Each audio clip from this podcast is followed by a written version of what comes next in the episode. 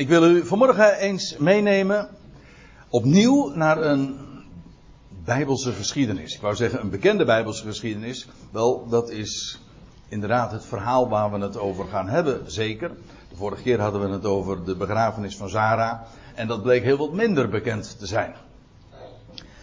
Maar de zalving van David. En dat is een, een geschiedenis die we aantreffen in 1 Samuel 16. En ik wil vanmorgen met u de, de hele geschiedenis, vers 1 tot en met 13 om precies te zijn, met u eens bespreken. En zo vers voor vers, soms zin voor zin langs gaan. Wat staat daar zo over vermeld? En dat is geen veredelde zondagschoolversie. Dat klinkt ook wat oneerbiedig natuurlijk naar wat er op de zondagschool gebeurt, maar zo bedoel ik het niet. Ik wil eigenlijk ook een, een, een laag dieper spitten, maar degenen die hier vaker komen, die weten dat dat, uh, die kennen dat fenomeen, zal ik maar zeggen. Als je eenmaal weet dat heel de schrift, ja, Gods getuigenis is en spreekt van de zoon van God, wat zeg ik, even in dit verband, van de zonen Davids, ja, dan hoeft het niet te verbazen dat hier natuurlijk een enorme sprake ook weer van uitgaat. En dat allerlei details in, in zo'n geschiedenis een diepere betekenis hebben en verwijzen naar hem die duizend jaar later zou komen. Ik bedoel, David leefde plus minus duizend jaar voor Christus. En, wel, Duizend jaar later werd hij geboren in de velden van Efrata. Daar ook in Bethlehem. Nou ja, nu heb ik meteen al een link zomaar gelegd. Die zo voor het oprapen ligt.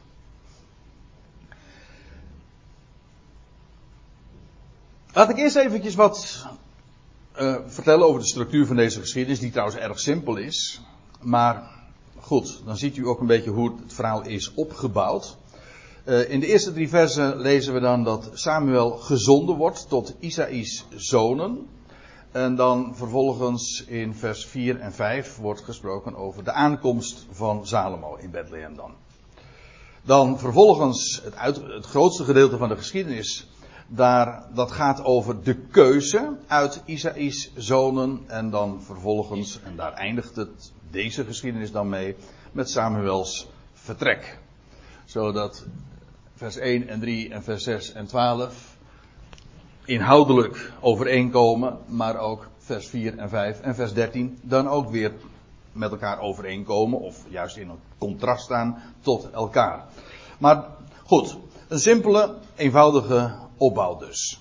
Laten we gewoon maar eens de geschiedenis onder ogen nemen en, en zien wat er staat.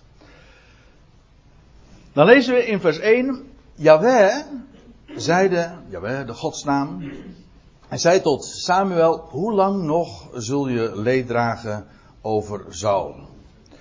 U moet weten dat aan 1 Samuel 16 hoofdstuk 15 voorafgaat. En dat is het hoofdstuk dat in mijn Bijbel staat daarboven Saul verworpen. Dat wil zeggen Saul verworpen als koning. Een lang hoofdstuk kan me niet herinneren dat we daar ooit wel eens over uh, hebben nagedacht. Komt misschien nog eens. Maar dan lees je in, uh, in het pal voorafgaande vers, dus vers 35 van hoofdstuk 15, Samuel bezocht Saul niet meer. U moet weten, ooit eerder, 40 jaar eerder, zeg ik het goed? Nou, dat kan ik helemaal hard maken. Minimaal 40 jaar eerder had Samuel uh, Saul gezalfd tot koning. Het volk wilde een koning en toen kreeg ze ook een koning. Eerst een koning naar hun hart. Dat wil zeggen naar het hart van Israël. En het liep sluik af met Saul. Nou ja, in werkelijkheid gaat de geschiedenis van Saul nog aanmerkelijk langer door. Maar hier is het principieel, heeft God Saul al verworpen. Heeft hem eigenlijk, ge, als ik het zo mag zeggen, gedisqualificeerd. Maar vanaf die gebeurtenis lees je dus Samuel bezocht Saul niet meer. Tot de dag van zijn dood. Zijn dood, dat is. Uh, ik ga ervan uit dat dat gaat over Samuels dood. Maar goed, dat maakt in beide gevallen niet uit.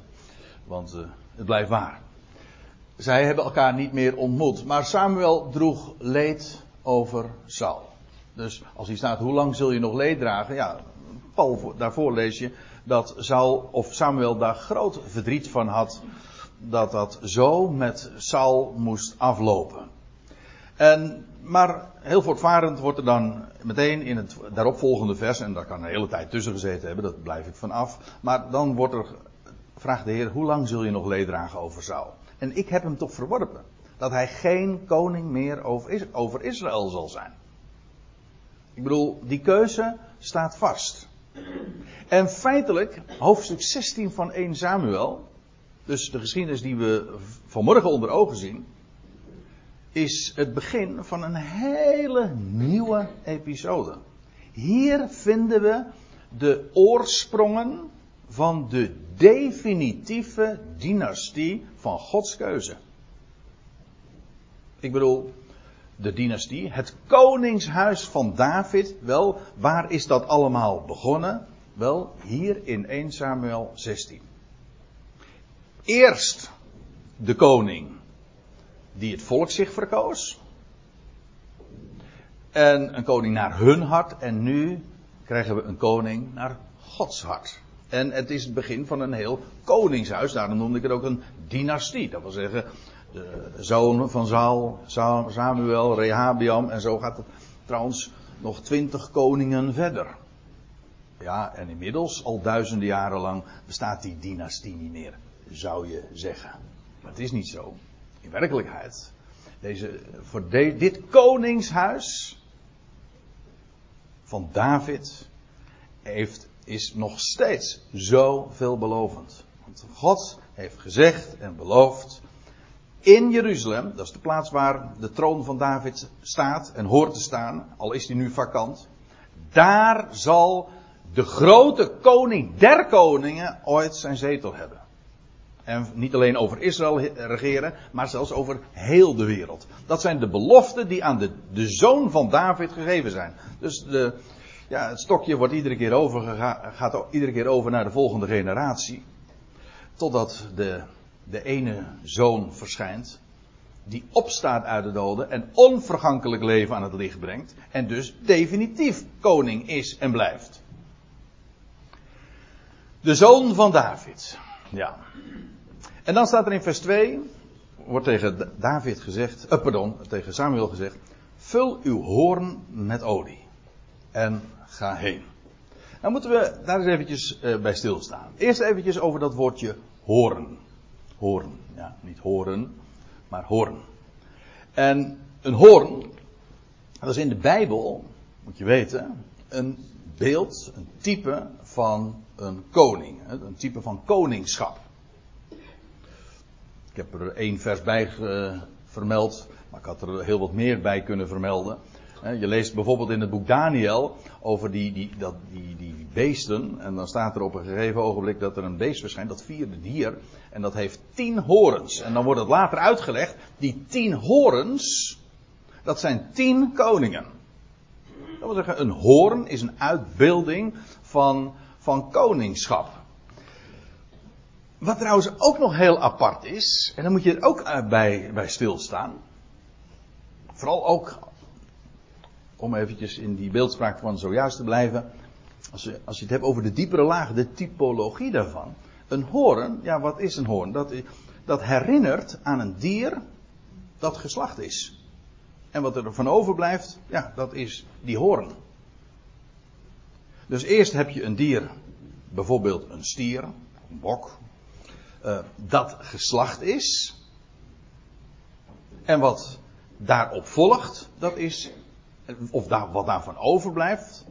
En waar, waar geluid van uitgaat ook, hè, want een hoorn die, uh, die klinkt ook in de Bijbel. Dat is een beeld van koningschap. Dus eerst, eh, dit is prachtig. Alleen alle, alle hebben we het over, over, de, over David, maar ook over de zoon van David dan hebben we het over iemand die ooit geslacht werd. Een, als een offer, ook daar kom ik straks nog op terug. En wat daarop volgde, dat is de hoorn. Gevuld inderdaad ook nog met olie, waarvan ik straks nog zal uitleggen dat het een beeld is van geest en leven. eerste dier dat geslacht wordt, dan de horen. En uh, ik weet niet of u zich, uh, of u daar wel eens een keer over gevallen bent, maar in de, in de Bijbel vind je heel veel keren de uitdrukking, of allerlei varianten daarvan, van een verhoogde horen. Gij hebt mij een hoorn verhoogd. En ja, ik heb er een, expres maar even een plaatje bij gezet. Eh, want dat is eigenlijk wat er dan gebeurt hè, met zo'n hoorn. Ja, een hoorn heeft diverse functies. In dit geval wordt hij gevuld met olie. Maar waar die vooral bekend voor is, is dat de hoorn klinkt. Hè, zodat je hem kunt horen. ja, dat, dat, is alleen een grapje wat je in het Nederlands kunt maken natuurlijk. Maar zo'n hoorn kun je horen. Hè? Dan wordt hij verhoogd. Als zo'n hoorn ook trouwens geblazen werd, bijvoorbeeld een ramshoorn, een shofar, dan was dat ook een verzameling tot de strijd. Maar ook wanneer een nieuwe, let op, wanneer een nieuwe koning aantrad, dan klonk, dat was de dag van de zuin ook. Er zit een heel verhaal aan vast, wat ik nu even in één, twee zinnen zeg. Maar ook de dag van de bezuin, dan werd een nieuwe koning daarmee ook aangekondigd. Een verhoogde hoorn. Zodat een verhoogde hoorn feitelijk spreekt over ja, een koning die verhoogd wordt. Maar goed, uh, ik hoop, dat had u eigenlijk al, want we hadden het over een dier dat geslacht is. En vervolgens wat overblijft is een hoorn. En hier, de hoorn wordt verhoogd. Ik dacht dat ik daar nou nog wel een, uh, een paar voorbeelden van had. Heb, heb ik er meer? Ja, oh, ik, ik, had deze moeten hebben. Ik heb die uitje verkeerd gezet. Uh, daar staat in Psalm 132. Daar, gaat over uh, Jeruzalem, daar zal ik voor David een hoorn doen uitspruiten. Dus een hoorn voortkomen van voor en ten behoeve van David. Psalm 148. Hij, God, heeft voor zijn volk, Israël, een hoorn verhoogd. Een lofzang voor zijn gunstgenoten, voor de kinderen van Israël, het volk dat nabij hem is. Halleluja. Maar ook hier, voor zijn volk een hoorn verhoogd. Dat wil zeggen, een koning voortgebracht, doen uitspruiten en een hoge plaats gegeven. En als we het hebben over de zoon van David, is het helemaal uh, nogal duidelijk dat hij verhoogd is. Wat aangeeft dat hij eerst vernederd was. Eerst geslacht was. Goed. Ja, dan moet ik eerst nog deze nog een, uh, deze dia. Uh, wil ik er nog even bij betrekken, want uh, er zit nog iets bijzonders aan vast. Want nu wordt Samuel erop uitgestuurd om met een hoorn David te gaan zalven. Tientallen jaren eerder was hij ook erop uitgestuurd om een koning te zalven. Maar dat gebeurde niet met een hoorn. Dat gebeurde, nou laat ik het gewoon maar lezen. In hoofdstuk 10 lees je. Toen nam Samuel, dezelfde Samuel, die door, toen nog een betrekkelijk jonge man geweest moet zijn. Een kruikje, let op, een kruikje, een aardevat van de olie, goot haar over zijn hoofd en kuste hem en zeide, heeft Jaweh u niet tot vorst over zijn erfdeel gezalfd? Ja, maar dat was van tijdelijke aard. En in feite zie je dat al uitgebeeld in het materiaal waarin de olie uh, ge, uh, gedeponeerd is. Ik, ik, kan het even niet beter zeggen, maar in ieder geval waarin, waar, de olie in uh, gegoten werd. Ja, zo was het. Ja, gedeponeerd is een heel raar woord. Knippen we er even uit. Hè? Maar in een kruikje. Een kruik. Ik vertelde u zojuist over een hoorn, een type van koningschap. Heel triomfantelijk, wat ook uh, met verhoging te maken heeft. Hier bij Saul is er sprake van ook een zalving, maar dan olie uit een kruikje. Een aardevat. Breekbaar, vergankelijk, voorbijgaand. Hoe, hoeveelzeggend? Een kruikje, een hoorn. En nou moet ik even terug. Dan staat er: Ik zend u, het wordt tegen Samuel gezegd, naar de Bethlehemiet Isaï. En eerst Bethlehem. Nou, ik, ik wees er zojuist al even op. Bethlehem, Die, dat is vooral een stadje dat uh, ja, bekend voor ons is geworden, omdat het de stad was uh, waar de Heer Jezus geboren werd. Het stadje in de velden van Efrata. Maar duizend jaar eerder was daar al dat, dat stadje Bethlehem. Trouwens wordt al eerder ook trouwens in de Bijbel genoemd. En de velden van Efrata. E, even de link leggen met de vorige bijeenkomst. Toen had ik het over dus, de begrafenis van Sarah. En dat was heel eigenaardig, want toen had ik erbij gezegd, ja, uh, al die aartsvaders en moeders die zijn begraven daar in, in, daar in Hebron. Maar dat, was niet, maar dat is niet waar. Het kan zijn dat ik die uitzondering al toen genoemd heb. Maar er is één uitzondering en dat is Rachel. Rachel was ooit uh, begraven waar? In de velden van Efrata. Dat was bij de geboorte van haar jongste zoon Ben, uh, ben Oni. Zij overleed bij de geboorte van, uh, van Ben Oni. En ze zegt, noem hem Ben Oni. Zoon van mijn smart. En toen overleed ze. En toen heeft Jacob gezegd, nee, deze jongen heet niet Ben Oni, zoon van mijn smart. Maar zoon van mijn rechterhand. Benjamin. Nou, hoe duidelijk wil je het hebben? Er wordt hier een jongen geboren in de velden van Efrata. Moet bekoop, bekocht worden met de dood van zijn moeder.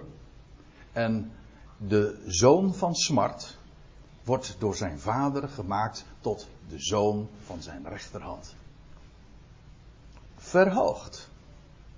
Dat, was veel. Dat was, uh, dat was 2000 jaar voor Christus. Dus dat is nog weer eeuwen eerder. Maar in diezelfde, in datzelfde gebied. Het broodhuis, Bethlehem. Bethlehem. En hier, ik zei al, hier wordt de grond gelegd daar in Bethlehem voor de definitieve dynastie. Een ik heb hier een verwijzing naar Jesaja 11. Kent u dat vers? Daar staat, er zal een, een reisje, een twijg, een scheut voortkomen uit de tronk van Isaïe. Die, die stamboom lijkt, eh, eh, die dynastie lijkt voorbij. Het is een tronk, een stronk geworden, jawel. Maar er komt weer een scheut uit tevoorschijn. Nieuw leven. En daar is... Uh, ja, en dat zal de reden zijn dat er ooit een Messiaanse rijk komt. En dat is waar Jezaja 11 dan van spreekt. Afijn, Samuel wordt dus gezonden met een hoorn gevuld met olie naar Bethlehem en naar de familie van Isaïe. Want onder zijn zonen heb ik mij een koning uitgezocht.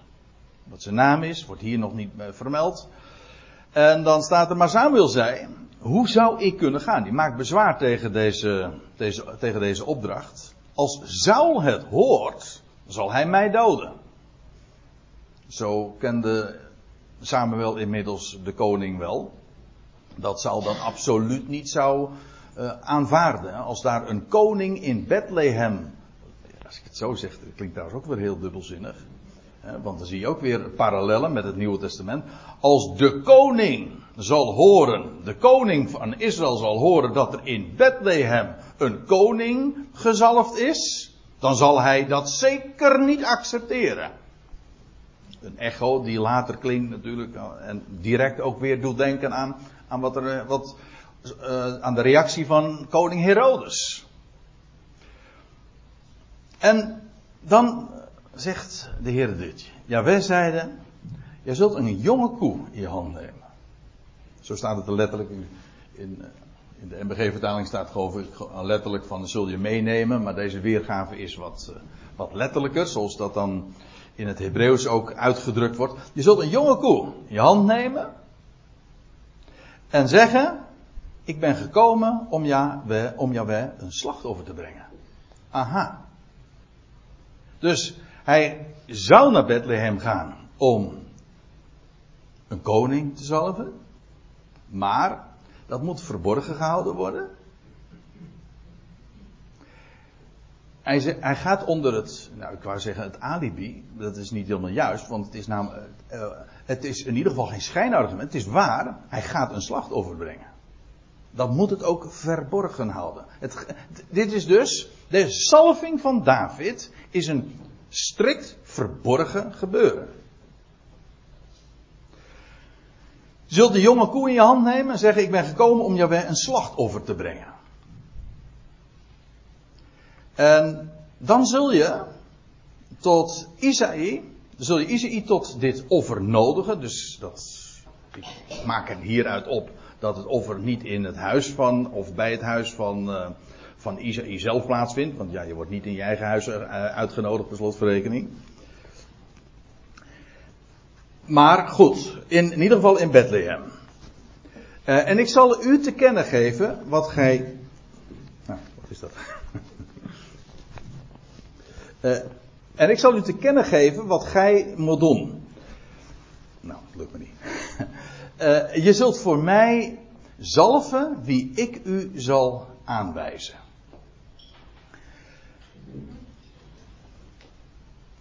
Offer, zalven. Dat wil zeggen, het zalven van de koning, dat valt samen met het brengen van het slachtoffer. Natuurlijk, u zegt, zo is dat gegaan. Dit was ook om de gebeurtenis verborgen te houden, zodat Samuel niet gedood zou worden. En zodat dit inderdaad, uh, deze geschiedenis zijn voortgang kon hebben. Uh, in het verhaal kun je gewoon al, het motief aanwijzen waarom dat op deze manier moest gebeuren. Maar dat volstaat niet.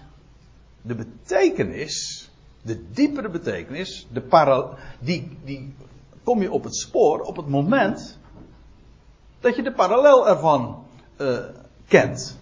Want wat weten we dan? Wel, toen de koning gezalfd werd, de koning uit Bethlehem, de koning, de zoon van David. Toen was die salving in feite niks anders dan een offerfeest. Ik zal straks ook dat komen de lijntjes allemaal bij elkaar, maar dan zullen we het ook vanzelf nog wel zien. De zalving van David is een type van de zalving van Jezus en dat is hoe Jezus de Christus werd. Toch? Een gezalfde, dat is niks anders. Of nee, het woord Christus, maar in het Hebreeuws zou ik zeggen Mashiach of Messias, dat betekent gezalfd. Die woorden, het ene is Hebreeuws, het andere is Grieks. In Nederlands is het gezalfd. Hij werd gezalfd. Hij werd de Christus. Hoe? Wel doordat hij werd overgoten door geest. Hij ontving geest en zo werd hij de Christus. Jawel, maar dat was ook precies het offer.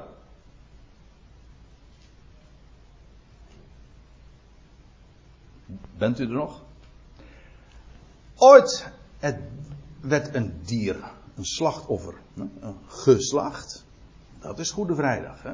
Om, nou ja, het woord is, deugt ook niet, maar dat spreekt van Golgotha. Toen werd hij geslacht. Drie dagen later stond hij op dat was zijn offer. Ik weet, meestal denkt men bij het offer aan de slachting. Nee, het is eerst werd een dier geslacht. Dat spreekt van het kruis. Dat spreekt van Golgotha. Daar gaf hij zijn leven. Vervolgens werd een dier op, het, op een verhoging gebracht. En verrees het God tot een liefelijke reuk. Dat is het offer. Wel, dat offer, dat spreekt van hem die stierf en verrees uit de doden. Maar die verrijzenis uit de doden is niks anders dan dat hij de geest ontving, gezalfd werd en de Christus werd. Zodat hier gesproken wordt over twee gebeurtenissen, maar in type verwijzen ze naar één en hetzelfde. Namelijk de Heer Jezus Christus, de gestorvene, wat meer is de opgewekte, die daardoor ook werkelijk de Mashiach, de Messias, de Christus is.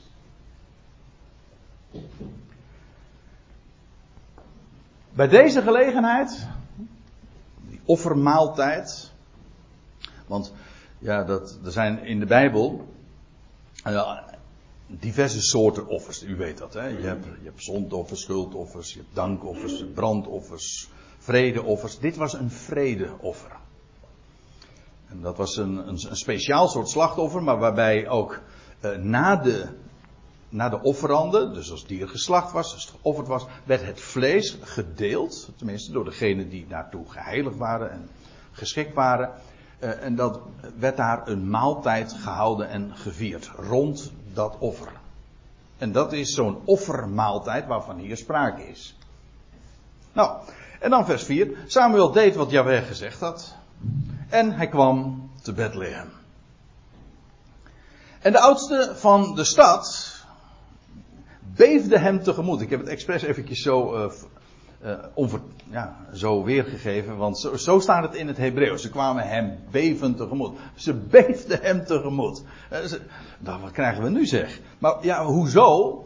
Nou, kennelijk, mag je aannemen, het wordt hier trouwens niet verklaard, maar als bekend verondersteld. Zij vreesden nu dat ze betrokken zouden worden in het conflict tussen Saul en, en Samuel. En dat uh, nu, ja, nu kwam de, de profeet Samuel tot hen. En nu dachten ze van, ja, dit wordt, dit zal koning Saul misschien niet accepteren. In ieder geval, ze waren, ze waren bang. Misschien sowieso dat de profeet tot hen kwam en dat hij een slechte boodschap voor hen zou hebben. Afijn, de oudste der stad beefde hem tegemoet en, en zeiden, betekent jouw komen vrede? Is het vrede wat je, wat je te melden hebt?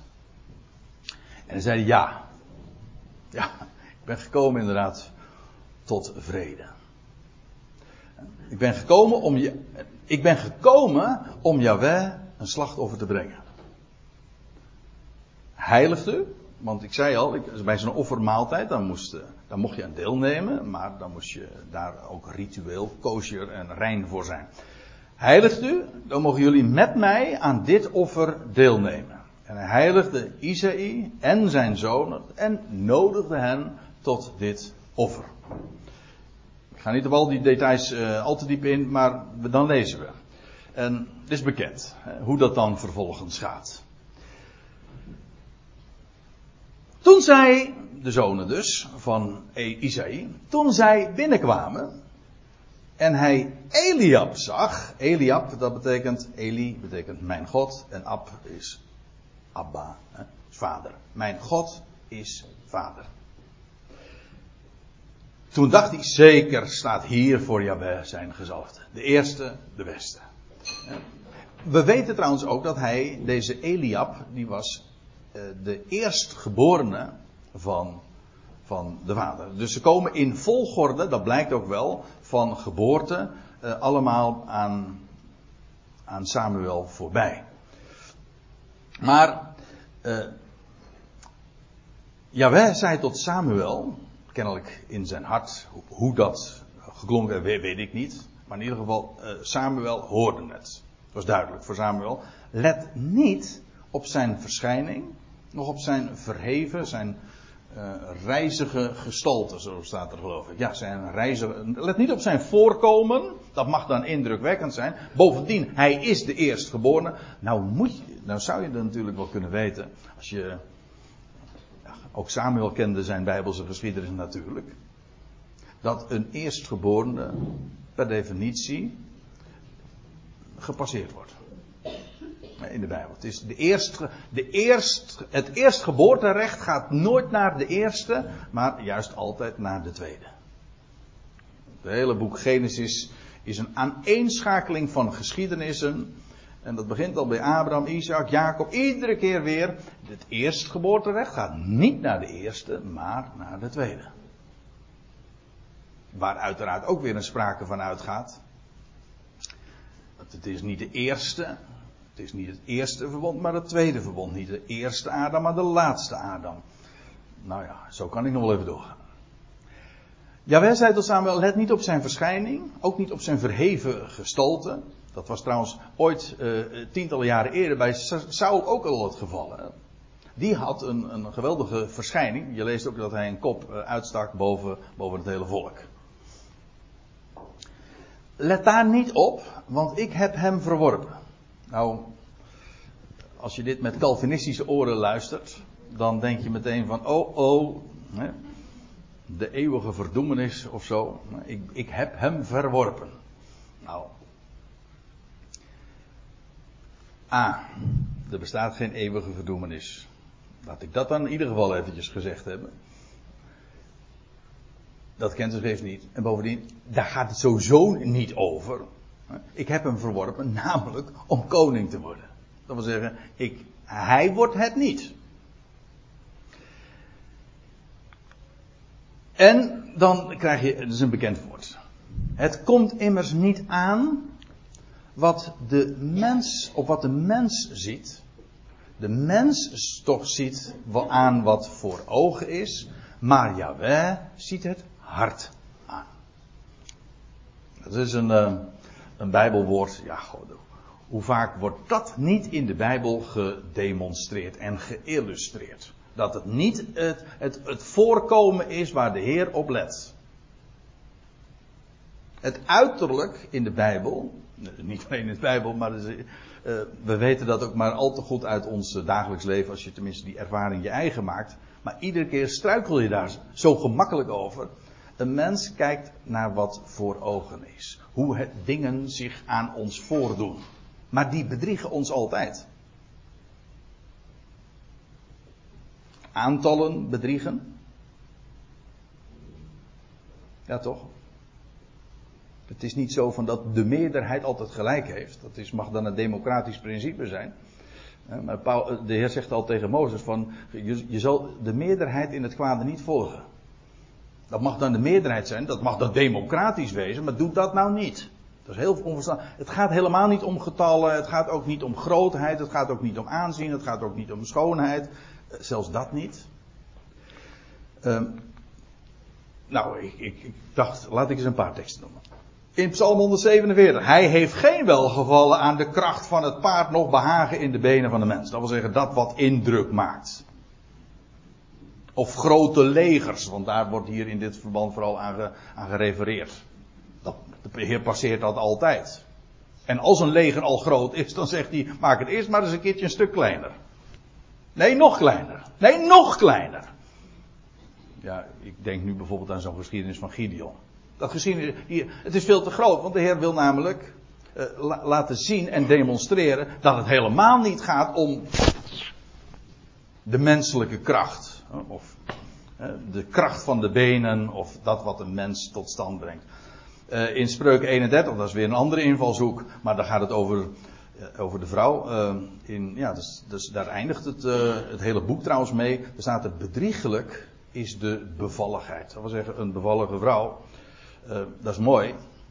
In de Bijbel spreekt er ook vele malen over. Maar het kan heel bedriegelijk zijn. Dat wil zeggen, een, mooi, een mooi uiterlijk, een bevallig uiterlijk, wil, zegt helemaal niks over de binnenkant. Toch? Daarom is het bedriegelijk. Je zou zeggen, eh, mooie mensen hebben altijd hebben in, de, in de wereld. Ja, ik kan niet uit ervaring spreken, maar mooie mensen hebben in de wereld. Uh, van de week las ik daar nog een artikel over. Hebben gewoon veel meer, veel meer succes. Want uiterlijke schoonheid, dat werkt ook maatschappelijk gezien en in je carrière altijd in je voordeel. Ja, maar het is bedriegelijk. Bedriegelijk is de bevalligheid en ijdel, de schoon, ijdel betekent het is leeg. Dat is eigenlijk dus eigenlijk dezelfde gedachte, maar het is bovendien ook nog heel vergankelijk. Want zo ben je mooi, maar uh, de tand destijds, die doet toch ook wat met een mens. Hè? Die laat je ook niet onaangetast en, dan, en wat blijft daar dan van over, van die schoonheid. Maar staat er dan een vrouw die Yahweh vreest. Die is te prijzen. Dat is de binnenkant. Het gaat erom wat erin zit. 1 Petrus 2. Kom tot hem, we hebben het over de zoon van, de zoon van David, de levende steen, door de mensen wel verworpen, maar bij God uitverkoren en kostbaar. Kijk, over uiterlijk versus Godskeuze. Die dieper kijkt. Een je kunt trouwens een mens niet eens kwalijk nemen. Een mens uh, ja, een mens ziet slechts aan wat voor ogen is. Maar juist, je zou daarop bedacht zijn dat dat je altijd en per definitie op een verkeerd been zet. Want onze ogen zijn nu eenmaal maar beperkt. We zien ook alleen maar dat wat er nu zich voordoet. We, kunnen niet in de toekomst kijken, al dat soort dingen. Kortom, onze ogen kunnen nooit daarin leiding geven. Nou, dat is wat de Heer tegen, eh, tegen Samuel hier ook zegt. Wat de, de mens ziet aan wat voor ogen is. Maar Jaweh, die ziet het hart aan. En toen riep Isaïe Abinadab. Dat was de tweede. Mijn vader is mild. Dat is al een mooie naam trouwens. Stuk voor stuk. Uh, hij liep uh, Abinadab. En dat was de tweede zoon. En liet hem aan Samuel voorbij gaan. Maar hij zei, hij, uh, dat moet God zijn. Wacht even, toen riep, uh, en liet hem aan Samuel voorbij gaan. Maar hij zeide, ook deze heeft Yahweh niet verkoren. Ja. En dat dat inderdaad de tweede is. Uh, en op rij, dat wil zeggen op volgorde van geboorte, dat, dat zien we dan dat zien we ook uh, in de navolgende. In vers 9 lees je dan, daarna liet Isaïe Sama aan hem voorbij gaan, maar hij zeide ook deze heeft Yahweh niet verkoren. Sama of elders heet hij dan Sima. En dat was Isaïs derde zoon. Dus ze gingen allemaal in rij aan Samuel voorbij. Je leest uh, in, uh, in 1 Samuel 17, dat is, dan, zijn, we twee hoofdstukken verder, dat is de geschiedenis van uh, David en Goliath. Dan staat er, David nu was de zoon van die Efratiet uit Efrata dus, uit Bethlehem in, Jude, in Juda, wiens naam was Isaïe. Deze had acht zonen. In Sauls tijd was deze man reeds oud en oogbejaard. En dan staat er de drie oudste zonen van Isaïe. Die waren Saul in de strijd gevolgd. En zijn drie zonen, die ten strijde waren getrokken, die heten, de eerstgeborene, Eliab, de tweede Abinadab en de derde Sama. Nou, dat is precies wat we hier dus ook lezen. En ze, worden, en ze gaan zo aan Samuel voorbij. Die Eliab, die had trouwens helemaal, dat lees je in diezelfde geschiedenis, geen hoge pet op van zijn, van zijn broertje. En hij had gezegd, ik weet wel dat je hoogmoedig bent. Want hij nam het uh, David kwalijk dat hij toen uh, naar die strijd was gekomen, terwijl Goliath daar stond te brallen. En Eliab zegt, ik wist wel dat je hoogmoedig was en dat jij, uh, dat jij wel eens eventjes hier je, je neus wilde laten zien. Ja. Nou, daar zit nogal wat aan vast, want er staat, of een, dat doet zich een vraag voor. Laat ik eerst nog even verder lezen. En Isaïe liet zijn zeven zonen aan Samuel voorbij gaan. Ja. Dus, David was de achtste. Ja. Maar nou gaan we naar 1 Kronieken 2. En nou doet zich een probleem voor. Want daar lees je, dat is, kijk, in Samuel lees je de historie, de geschiedenis. Nu in 1 Kronieken 2, dan krijg je van die hoofdstukken, die uh, heel onaangenaam zijn wanneer je ze zo aan tafel moet voorlezen. Trouwens, ze zijn ook helemaal niet plezierig om dat voor jezelf te lezen. Maar er zitten pareltjes onder. Want het is van belang, dat zijn de genealogieën. Dat wil zeggen de geslachtsregister. Hoe loopt die lijn door de geslachten heen? En ja, dat zijn dingen die je niet leest. Die, dat zijn dingen die je erop naslaat. Hè. Zoals een, een encyclopedie. Dat is ook niet uh, gegeven om, om daar nou eens een keertje lekker s'avonds een uurtje onderuit te gaan. Dat doen de meeste mensen niet. En om dat tot je te nemen. Nee, dat is om te bestuderen. Om na te Hoe zat dat ook alweer? Als een backup van kennis. Om, als je data, als je informatie moet verwerken en hoe, hoe, hoe, hoe liggen de lijnen. Wel, daar die, zijn die geslachtsregisters voor. Ik ken mensen die, die echt uh, lyrisch worden als ze het. Uh, dat zijn dan echt van die amateur- uh, of beroepsgenealogen. mensen die het geweldig vinden om, om dat allemaal zo uit te zoeken. Maar dat is een uitzondering. De meeste mensen die vinden geslachtsregister heel dor en droog. Ja. Maar in de Bijbel zijn er heel wat. Maar dat komt omdat God, de God ook van de geslachten is. En hij heeft ook zijn, zijn verbond en hij heeft zijn woord verbonden aan generaties. Afijn, dan lees je in 1 Kronieken 2 en Isaïe. dat was trouwens ook weer een nakomeling van Boas. Ja, Boas. En, en, die, die eh, en van Ragab, de hoer. Afijn, in die lijn. Isaïe verwekte Eliab, zijn eerstgeborene. Abinadab, zijn tweede. Sima, zijn derde. Sima, Sama. Netanel, zijn vierde. Radai, zijn vijfde. Ozem, zijn zesde. Daar weten we verder trouwens niks van. En dan staat er David, zijn zevende.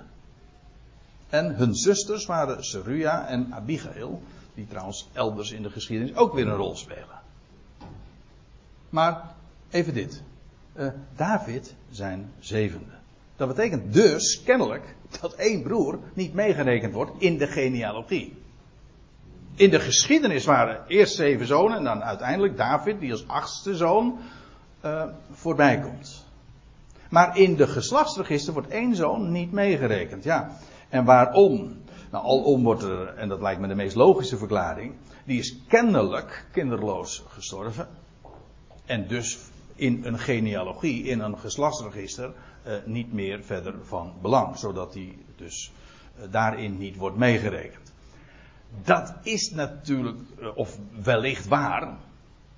Ik zou niet zo gauw een andere verklaring daarvoor kunnen bedenken. Maar hier staat zeven zonen en dan vervolgens de achtste. Ik zat nog aan iets anders te denken. Dat betekent namelijk dat David de zevende zoon is. Op een bepaalde manier. Maar ook de achtste zoon. Hij is en de zevende en hij is de achtste. Denk daar eens over na. Hij is zowel de zevende in een speciale manier geteld, gewoon historisch. Maar hij is, uh, zeg ik het goed, hij is de zevende. Uh, genealogisch, hij is de achtste in de historie. In de historie, in de geschiedenis. Maar, en de zevende en de achtste. David de zevende, waar denken we bij de zeven aan? Ja, bij de volheid. Zeven in de Bijbel is altijd een, een volheid. weet u dat het woord trouwens voor zeven in het Hebreeuws gewoon ook het woord volheid betekent? En het spreekt ook van de zevende. De zevende dag. Het zevende millennium. De Sabbat. De grote Sabbat die over deze wereld zal komen. Eerst krijg je 6000 jaren vanaf Adam tot ja, tot de nabije toekomst. Hè. Dan zal die zes dagen, zullen de zes dagen voorbij zijn. En dan breekt de zevende dag aan. Het zevende millennium. En wie zal daarin de grote erfgenaam zijn? Dat is David, inderdaad. Hij is de zevende. Ja, maar hij is ook de achtste, want de, de zoon van David is een troon gegeven. En dan staat erbij, en hij zal heersen tot in de Ionen. Niet alleen in dat millennium, maar ook in die nieuwe schepping die daarop zal volgen. De nieuwe hemel en de nieuwe aarde. Zal hij eerst nog koning zijn. Inderdaad, uiteindelijk zal hij het koninkrijk overdragen aan zijn God en Vader. Als hij de dood als laatste vijand zal hebben teniet gedaan. Maar het gaat er eventjes om. Hij is de zevende, maar hij is ook de achtste. Een nieuw begin, want zoals zeven een volheid is, dan is acht ja, de overvloed, maar ook uh, een nieuw begin. En zoals de eerste dag van de week uh, tevens ook de achtste dag is. Nou, David is de zevende en de achtste. Hij is ook de erfgenaam van de nieuwe schepping. Ik vond het toch wel eigenaardig. En dan kun je allerlei verklaringen geven als je het gewoon verhaal technisch bekijkt. Van hoe kan het nou dat hij hier de zevende is en, en elders de achtste. Oké, daar kun je een verklaring voor bedenken. Dat is niet zo moeilijk. Maar dat, dat laat dan nog weer de vraag achter van... Hé, hey, het is toch eigenaardig dat hij en de zevende en de achtste is. In al die dat soort details. En we, we, zijn er nou, zo in deze korte bespreking zijn we er nou al helemaal tegengekomen. Al die details blijken allemaal profetisch te zijn. in type te verwijzen naar de grote zoon van David.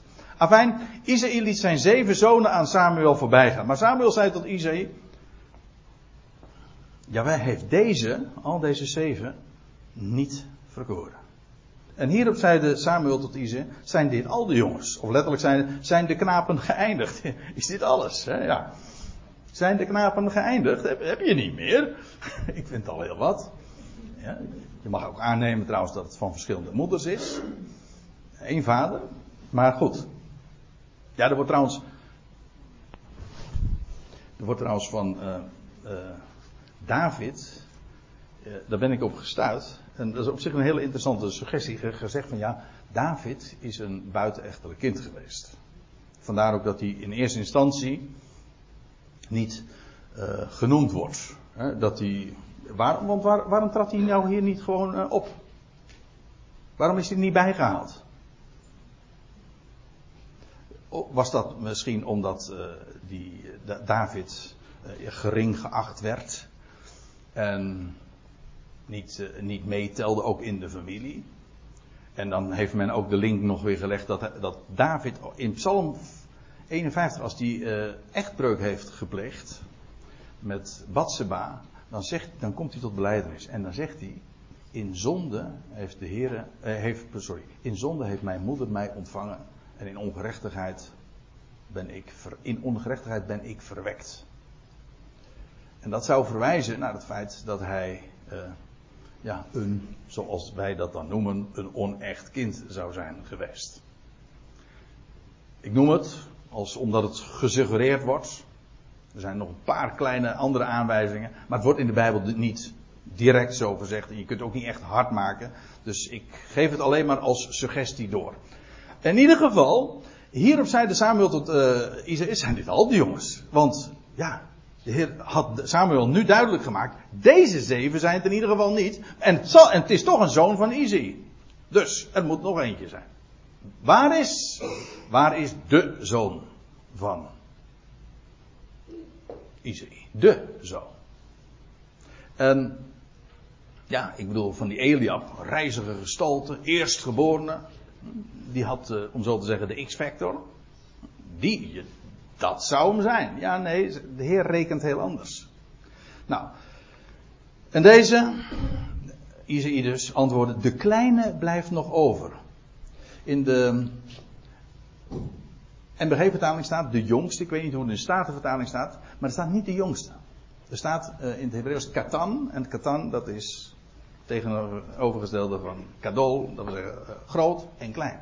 Het is de kleine. En daar klank, kan trouwens ook weer de gedachte in zitten, de geringe. Degene die niet meetelt. Ja, de kleine blijft nog over. Die, uh, hebben we, die ontbreekt nog. Ja. En waarom nu? Want het is, er is dus nog één overgebleven. Die was nog niet gepasseerd. De achtste. En nou neem ik u even mee naar 1 Korinthe 2. Waar Paulus spreekt over, over de wijze waarop God zijn keuzes maakt. En dat blijkt dus heel anders te zijn dan uh, wat de mens doet. Hè. Dan staat er in vers 27 dit. Integendeel, hè, het is midden in het betoog, dus integendeel, wat voor de wereld dwaas is, dat heeft God uitverkoren. Waarom? Om de wijze te beschamen. Hè? Een lange neus te trekken, zo. jullie denken dat met je wijsheid, je intellect en je belezenheid allemaal te. Nee. God, de, dwaze kiest hij uit om de wijze te beschamen. En wat voor de wereld zwak is, dat heeft God uitverkoren om wat sterk is te beschamen.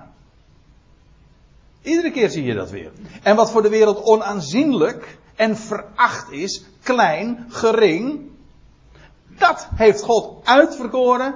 Dat wat niets is, of niets voorstelt, om aan hetgeen wel iets is, of denkt te zijn, zijn kracht te ontnemen, opdat geen vlees, gewoon dat wat een mens in zichzelf heeft, of meent te hebben, met intellect of met kracht, of met aanzien, of met verschijning, Opdat geen vlees zou roemen voor God. Maar gelijk geschreven staat, gaat verder. Die roemt, in de Heer. Het zo werkt het. Altijd. En David was een man naar Gods hart. En dan hebben we misschien de neiging om te denken van ja, die man, dat, hij, hij, was gewoon goed. Hè? Hij had een goed hart. Nee, hij was een man naar Gods hart. Gods keuze valt altijd op het geringe. Op degene die niet meetelt. Dat is altijd het principe. En je leest trouwens nog van hem nog iets. Dat zegt Isaïe er dan bij. De kleine blijft nog over. Zie, hij wijdt de schapen. En ja, en dat, dat mag dan misschien een, een, onaantrekkelijke en ook gering, gering geachte uh, beroepsuitoefening uh, geweest zijn. Maar het maakte hem juist geschikt om koning over de kudde van Israël te worden. Van, David lezen we, staat in deze geschiedenis niet, maar we lezen later in, in 1 Samuel 17 dat David inderdaad gekwalificeerd was als een goede herder. En wat doet een goede herder? Die zet zijn leven in voor de schapen. Dat deed hij hier. En hij, was, hij had zelfs leeuw en beer verslagen. Dus uh, hij was dan de kleine, de geringe. Ja, maar hij was dan toch een goede herder. En juist hij, deze herder, blijkt uitgekozen te worden om over de kudde van Israël te herderen.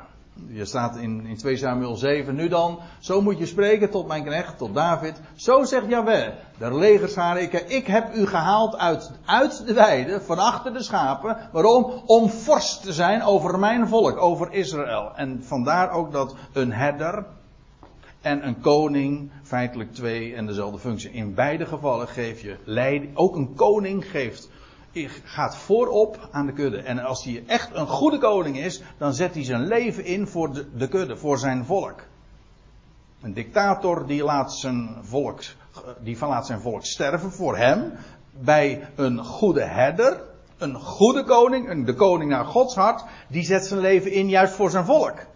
Zoals trouwens de zoon van David dat ook daadwerkelijk gedaan heeft. Toen zeide Samuel tot Isaïe, laat hem halen. Deze zoon.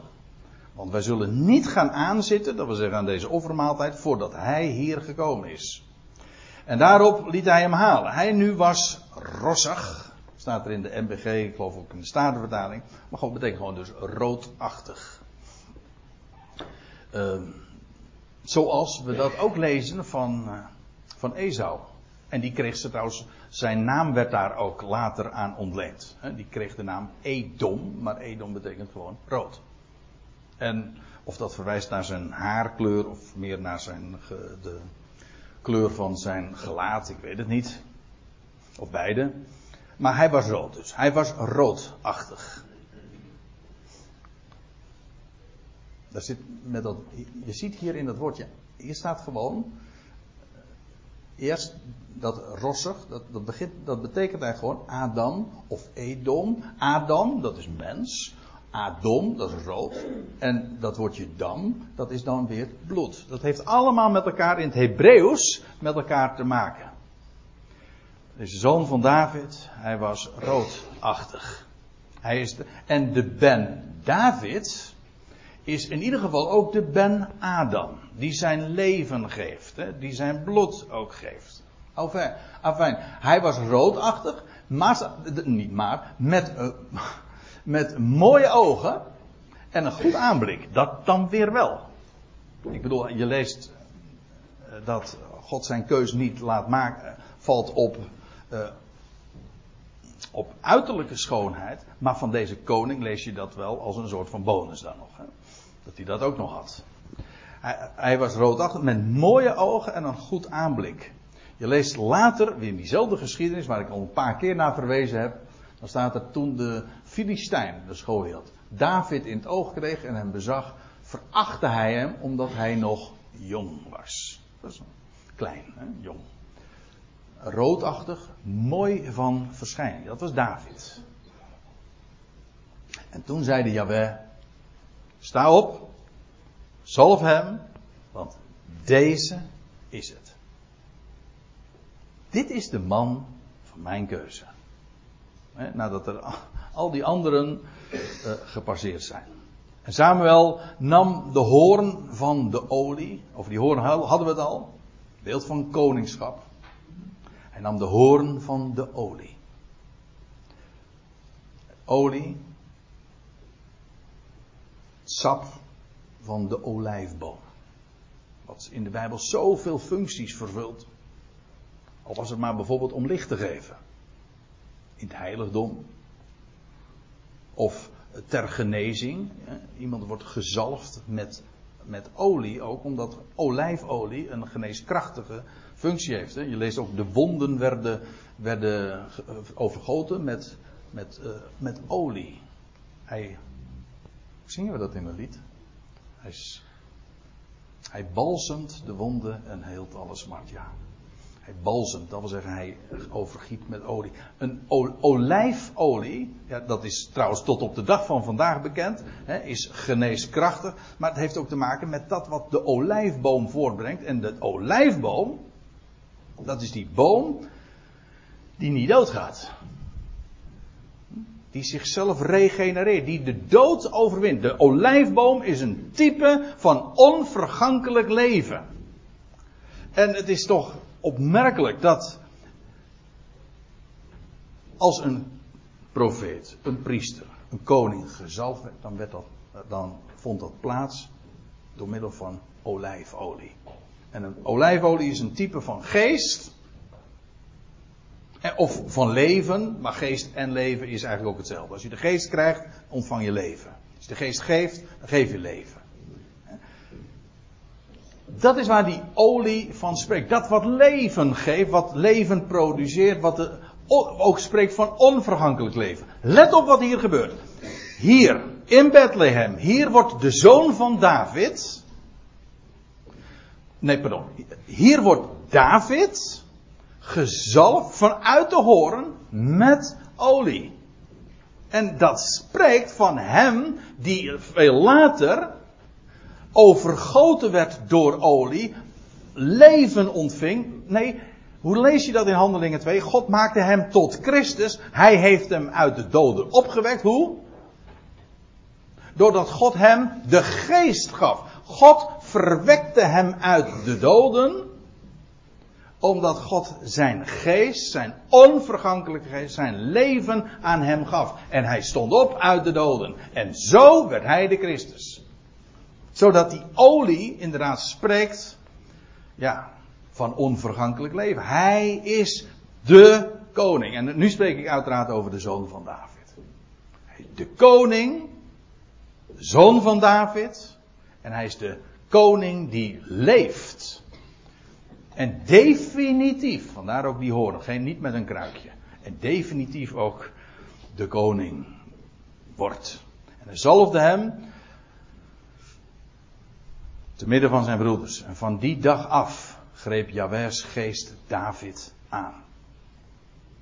Trouwens, dat, is, dat bevestigt dus precies waar we het over hebben. Want olie is een beeld van geest. Van die dag af, dus vanaf het moment dat hij olie, met olie gezalfd werd. Vanaf die dag greep Jawers geest David aan. Nou, alsjeblieft, in één vers wordt daarmee dus aangegeven, die olie, dat spreekt van geest.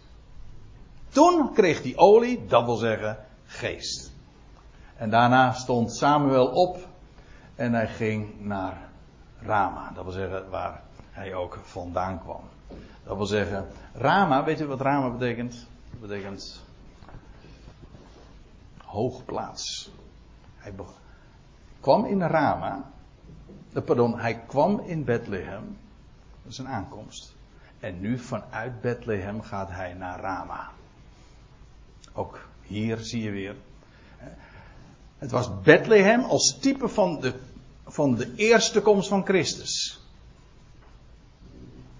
Daar, daar staat Bethlehem ook voor. Christus kwam in Bethlehem. Ja. Hij zal eenmaal koning zijn in Jeruzalem. Maar daar gaat nog een hele tijd overheen. Eerst, het, is, begint allemaal verborgen. En ook bovendien is hij nu de verworpene. Waar is hij nu dan? Wel, hij begon in Bethlehem. En hier van Samuel lees hij ging naar Rama naar de hoge plaats. Maar dat is precies ook waar, waar deze geschiedenis van spreekt. Nu, waar is Christus? Daar. De hoogste plaats. De verhevene. En zo, in die dertien versen van deze geschiedenis worden we in al die details meegenomen naar de zoon van David, onze Heer Jezus Christus. En ik hoop dat u uh, dat ook duidelijk geworden is. En, en dat is ook tekenend voor heel de schrift. Alles spreekt van hem. En bovendien, het spreekt van hem die opgestaan is uit de doden. Onvergankelijk leven aan het licht heeft gebracht.